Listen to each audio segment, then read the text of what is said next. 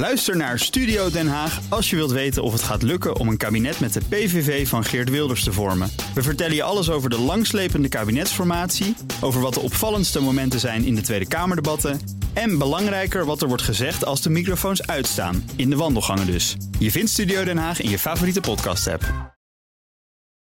De Ben Tichelaar podcast wordt mede mogelijk gemaakt door Yacht. Pushing Horizons.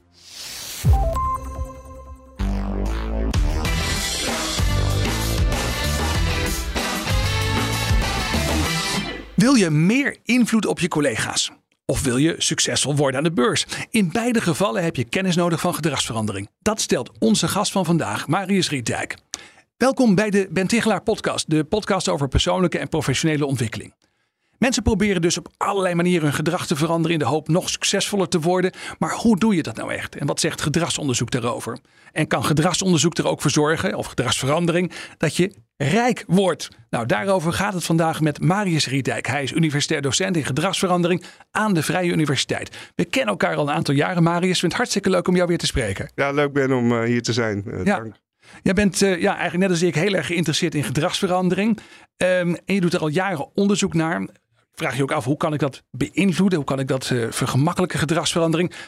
Van waar die fascinatie? Waar komt dat vandaan? Ja, eigenlijk al uh, vanaf mijn negentiende ben ik daardoor gefascineerd. Uh, bij mijn studie psychologie kwam ik in aanraking met gezinstherapie. Ja. En uh, daar zag ik, uh, er werd ook op uh, one-way screens werden die therapieën opgenomen. En daarna ging de therapeut, de professor, ging ook uitleggen hoe die dan de interventies gedaan had. Dus je kon meekijken naar ja. hoe die therapie werd gedaan. En ja. dan zag je dus, noem het maar gedragsverandering live. Zag je live. Oké. Okay, dat vond ik geweldig. En daar speelden die gedragsveranderingsprincipes, die leerprincipes, waar we het over gaan hebben, een heel belangrijke rol in. Ja. En het was eigenlijk uh, bij bedrijfspsychologie, dat deed ik ook als, uh, als afstudierichting, werd alleen maar over systemen en processen gesproken, maar niet over gedrag. Schappig. Jij zag aan de ene kant in die klinische hoek zag je dingen gebeuren van je dacht, wat stom dat ze dat in bedrijfsleven niet ja, gebruiken. Ja. ja. Interessant. Waarom is het zo belangrijk om iets te weten van gedragsverandering als je bijvoorbeeld manager bent? Nou ja, je bent als manager bezig met resultaatverbetering. Tenminste, dat, dat lijkt mij uh, een belangrijke taak. En, en uh, bij resultaten gaat altijd gedrag aan vooraf. Gedrag ja. is niet iets voor HRM, dat is ook iets voor de lijn. Je moet uh, met mensen omgaan om dat resultaat te, te behalen. Ja. Dus vandaar dat ik dat zo belangrijk vind ook voor bedrijven. Geen betere resultaten zonder beter gedrag. Juist. Ja, ja, dat is eigenlijk wel. Dat klinkt heel erg logisch, maar het is nog niet echt heel erg breed doorgedrongen. Wat zijn dan misvattingen erover? Want dat je misschien naar gedrag moet kijken, dat zullen sommige managers misschien inmiddels wel onderkennen. Ik heb de indruk dat er meer aandacht voor komt voor dit onderwerp. Maar wat zijn dan fouten in het denken? Want het gaat nog niet helemaal precies zoals we het willen, denk ik. Ja, klopt. Uh, wat denk ik, eerste fout is dat gedrag vaak heel indirect wordt beschreven, zoals leiderschap, cultuur, uh, motivatie. Ja. Terwijl je het eigenlijk veel directer volgens mij over gedrag uh, kunt hebben. Je kunt gedrag tellen, hoe vaak het voorkomt. Je kunt gedrag meten, hoe lang het voorkomt.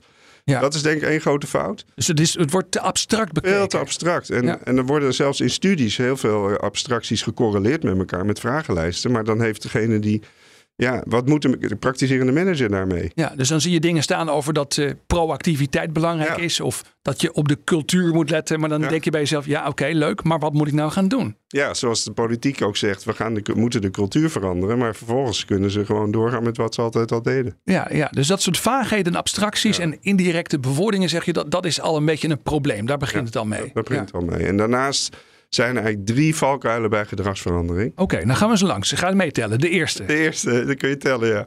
Dat is uh, dat je ja, vooral vooraf probeert gedrag te beïnvloeden door op mensen in te praten en met uh, allerlei acties. Ja. Uh, terwijl het veel uh, effectiever is om consequenties te koppelen aan, uh, aan gewenst gedrag. Ja, dus dat is in de gedragsleer van Skinner en, ja. en Pavlov geloof ik ook. Hè? Dat is echt, ja. Je komt echt uit de behavioristische school ja. van oorsprong zoals het dan heet. heb je antecedenten en consequenties of zeg je consequenten? Hoe zeggen ze dat eigenlijk ook weer? Ja, consequenties. Uh, ja. Antecedent, behavior, consequences. Dus ABC. Ja. En uh, de, eigenlijk 80% van de inspanningen die we allemaal leveren, die, die hebben te maken met antecedenten. Denk aan ook... Uh, ja, met, met consequenties bedoel je toch, denk ik? Nee, we zijn vooral uh, bezig met antecedenten, terwijl we veel meer met consequenties bezig zijn. Oké, okay, dus het grootste deel van de tijd ben je bezig ja. eigenlijk mensen allemaal te vertellen van, van ja. tevoren wat ze moeten doen. Terwijl jij zegt, de consequenties achteraf, die bepalen die bepalen. En daar moet je dus meer op gaan richten. Ja, want mensen die kijken vooral bij hun gedrag wat het hun oplevert. Ja, is dat, dat is niet altijd bewust lijkt me.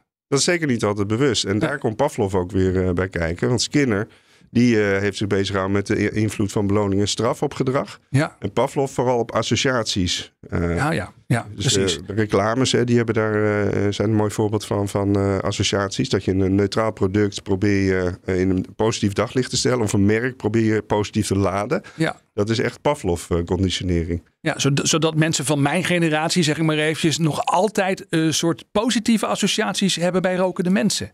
Ja. Ja, knettergek eigenlijk. Ja. Ja, en dat is ook een mooi voorbeeld. Roken, dat heeft ook voor de roker vaak heel positieve, directe consequenties. En dat houdt het rookgedrag in stand. Dus ook de directheid van de consequenties is heel bepalend voor of het, uh, of het gedrag nieuw aangeleerd wordt. Ja, hier zou je natuurlijk met elkaar ook al een half uur over kunnen spreken. Hè? Want dit is dus een hele belangrijke fout, zeg jij, die vaak wordt gemaakt. Wie weet doen we dat nog een keer. Ja, nee, precies. Maar goed, we moeten, we moeten ook naar andere zaken. Dus we hebben nu gehad over dat je eigenlijk naar consequenties moet gaan in plaats van antecedenten. Heb je goed uitgelegd. Uh, wat is het tweede grote misvatting? Waar ja. het, nou ja, de volgende stap is, is, dat als mensen eenmaal doorhebben dat ze naar consequenties moeten kijken, is uh, er zijn eigenlijk vier belangrijke consequenties. Ja. Uh, belonen, uh, positief belonen en negatief belonen. Een beetje technisch verhaal, maar zo, mag, mag je ja, het zo ja, vertellen? Kort, kort, ja, vertel. Dus een positief belonen is dat je iets krijgt wat je wil. negatief belonen is dat je iets wordt weggehaald wat je niet wil. Ja. positief straffen is dat je iets krijgt wat je niet wil. En Ja. negatief straffen is dat iets weggehaald wordt wat je wel wil. Ja. En, ja. en we leggen steeds de nadruk op die eh, laatste drie. Dus niet op eh, positief belonen, maar op negatief belonen, straffen.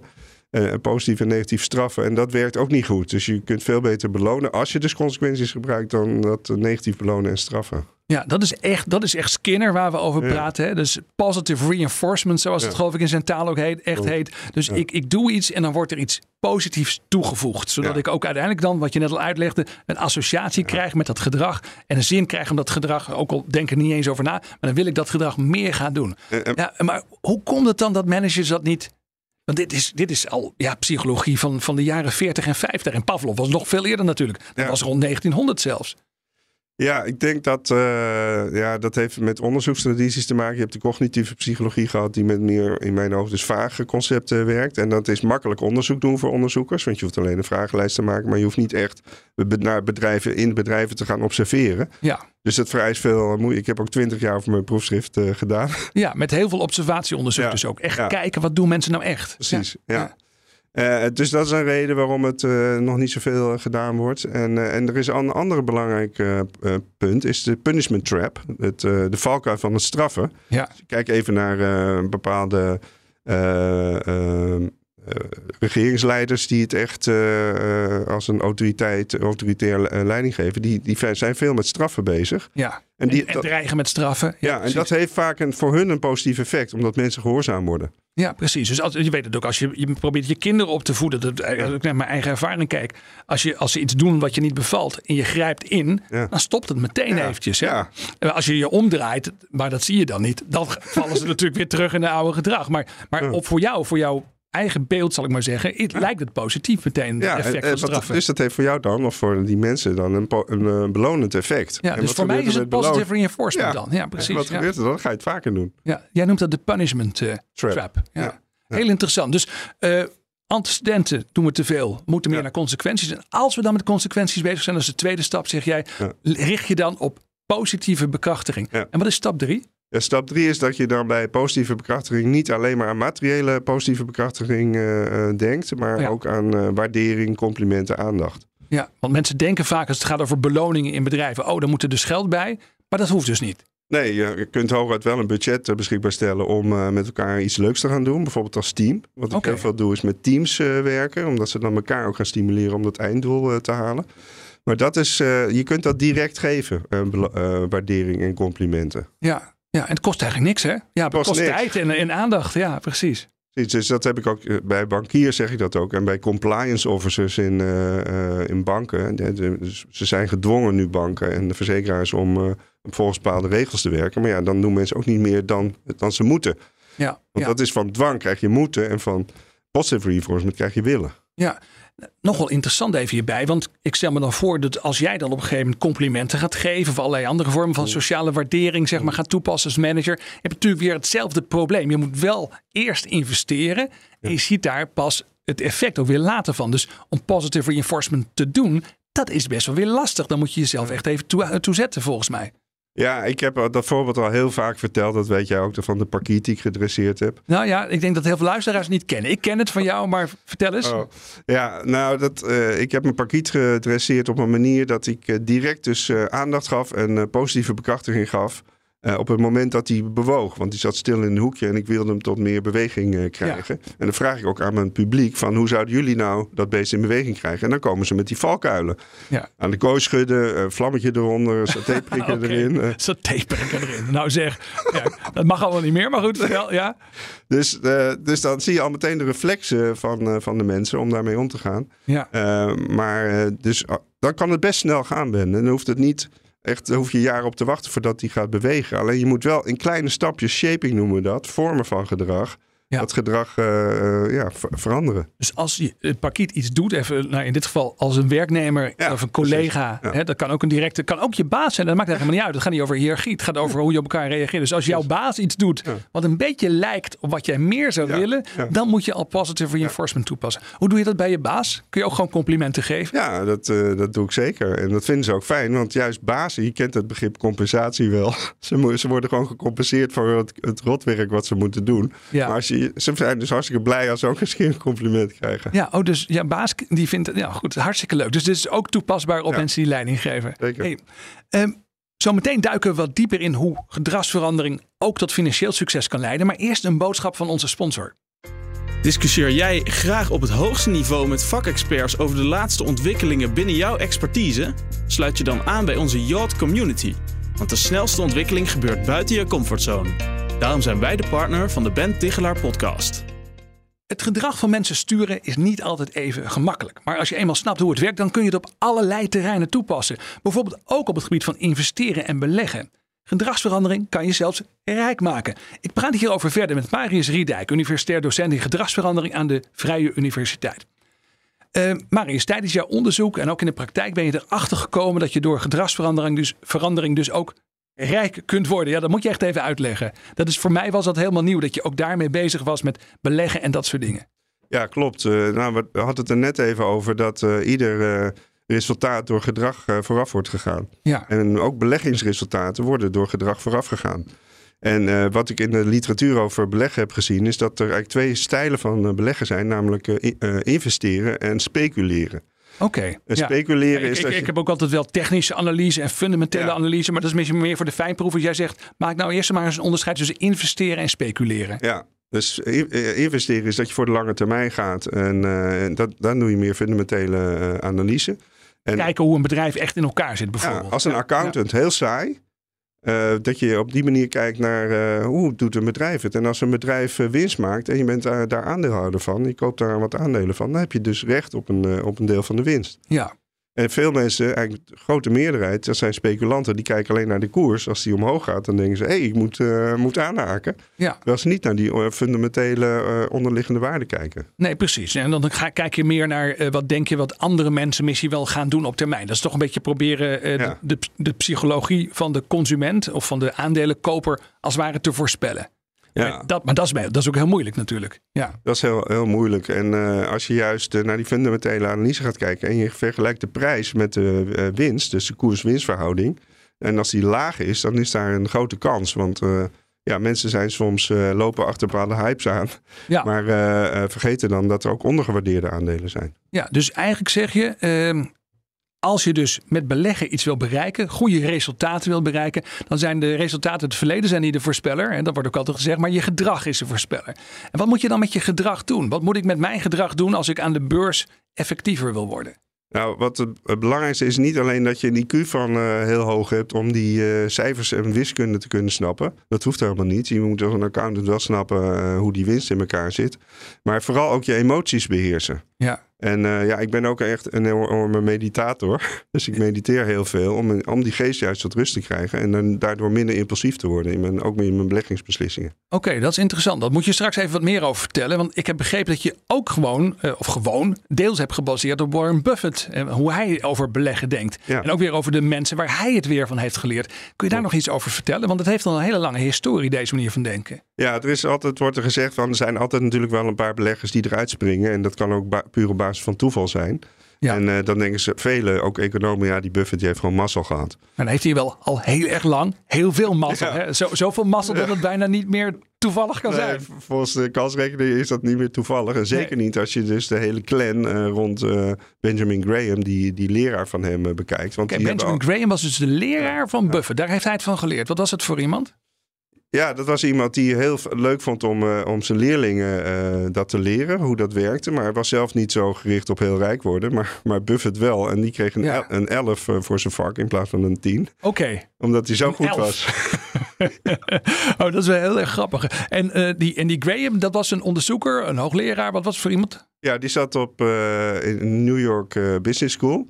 Ja. En, en, en Buffett die moest helemaal niks hebben van ja, van de bekende eh, business schools, dat vindt hij maar onzin. En ook heel veel economische theorie als de efficiënte markthypothese. Dat alle prijzen gewoon uh, goed zijn. Ja, of die efficiënte markthypothese. Dat zegt nog de meerderheid van de economen. Ja, maar daar gelooft Buffett dus niet in. En die was dus door die Graham beïnvloed. En we weten dus dat hij heel succesvol is geworden. En wat doet hij dan waarvan jij zegt, of ja, wat heeft hij ook gedaan in al die jaren, waarvan jij zegt, nou dat is iets, dat kan ik dus ook ja, met mijn ideeën over gedrag heel goed ja, combineren. Nou, je hebt, hij heeft een aantal regels uh, opgesteld die ik uh, ook uh, voor een groot deel volg. En dat geldt ook voor die gedragsveranderingsaanpak. Dan daar, ja, je wordt eigenlijk, je gedrag wordt bepaald door gewoon dagelijks vallen en opstaan, maar ook door regels. Ja. als je wordt geleerd thuis dat God bestaat, dan ga je dat eerder volgen dan als dat niet thuis wordt geleerd. Dat is ook een soort regel. Maar Buffett heeft ook een aantal van die regels. En een van die regels is verlies geen geld, dat is regel 1. En de tweede regel is onthoud regel 1.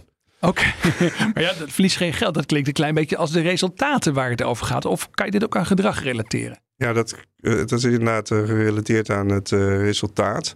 Uh, maar dat betekent.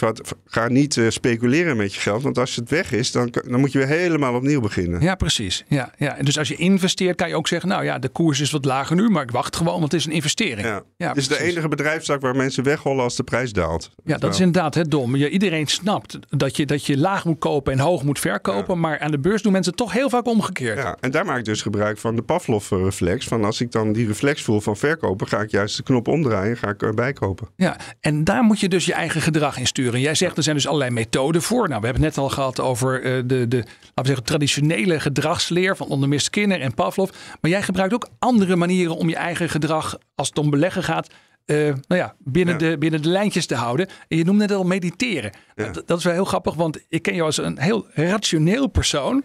He, dus echt, uh, uh, ja, bij, bijna zeg maar zwart en wit. Zo, zo, komt dat een beetje op mij over. Maar ik had niet gedacht dat jij dus ook zo bezig bent met, met dit soort onderwerpen.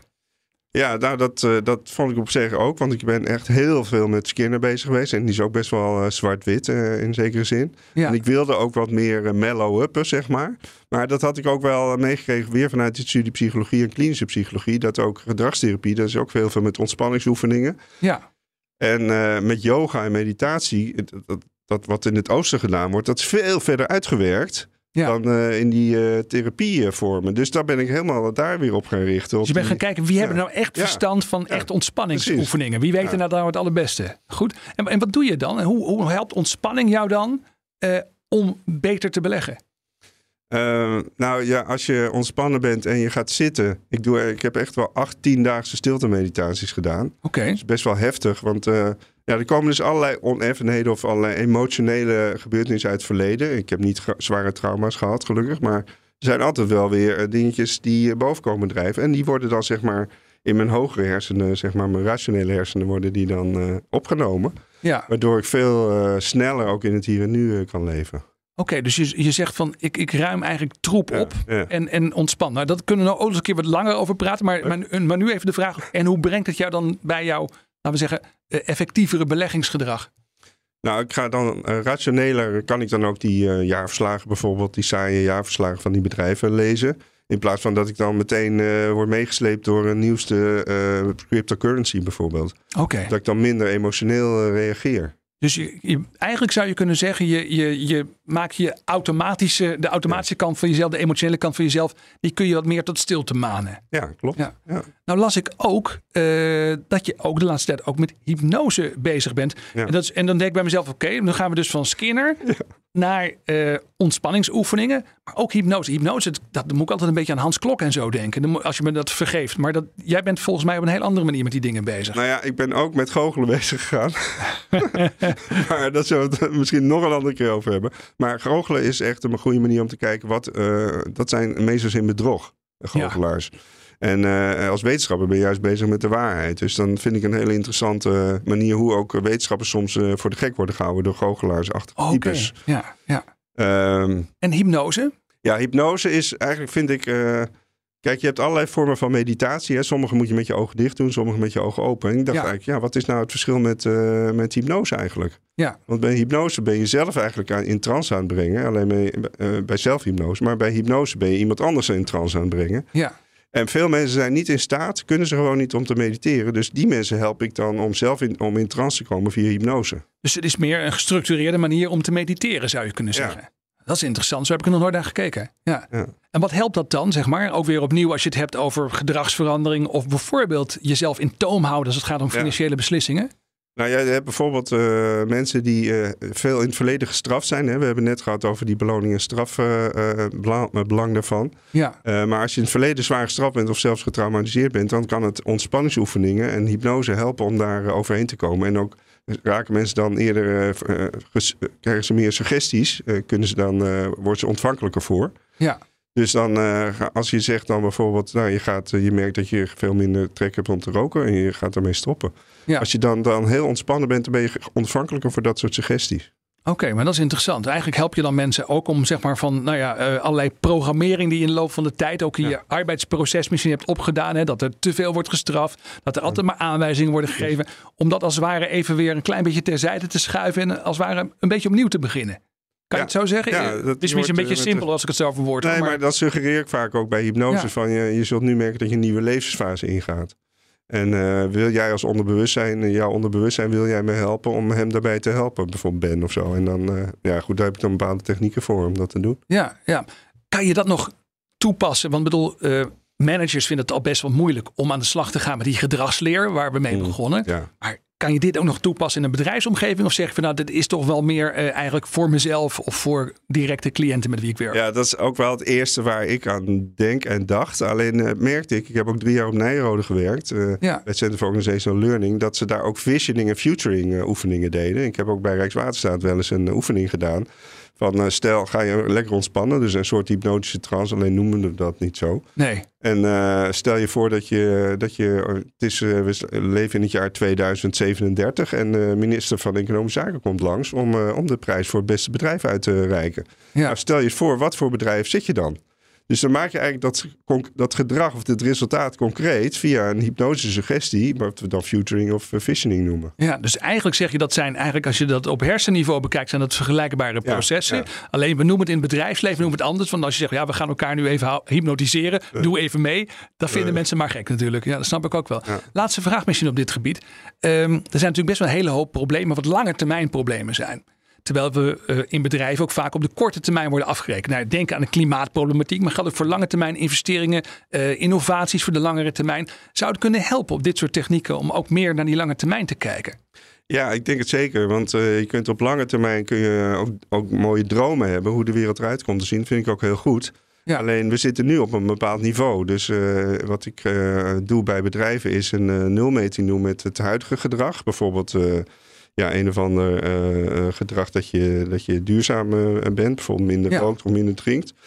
En dat kun je dan een einddoel stellen. Maar daar zet ik altijd subdoelen neer. Dus in Ja. kleine stapjes ga ik dan naar het einddoel toe. Ja. En dan is die gedragsleer, maar ook dat nadenken over hoe die toekomst eruit zou kunnen zien. Dan kan je al die technieken die we vandaag hebben besproken dan ook in, in toepassen. Zeker. Ja. Ja. Heel erg mooi. Ja. Je hebt mij geïnspireerd. Uh, ik wil je hartelijk danken. Marius Riedijk, fijn dat je mijn gast wilde zijn. Dankjewel Ben, uh, graag gedaan.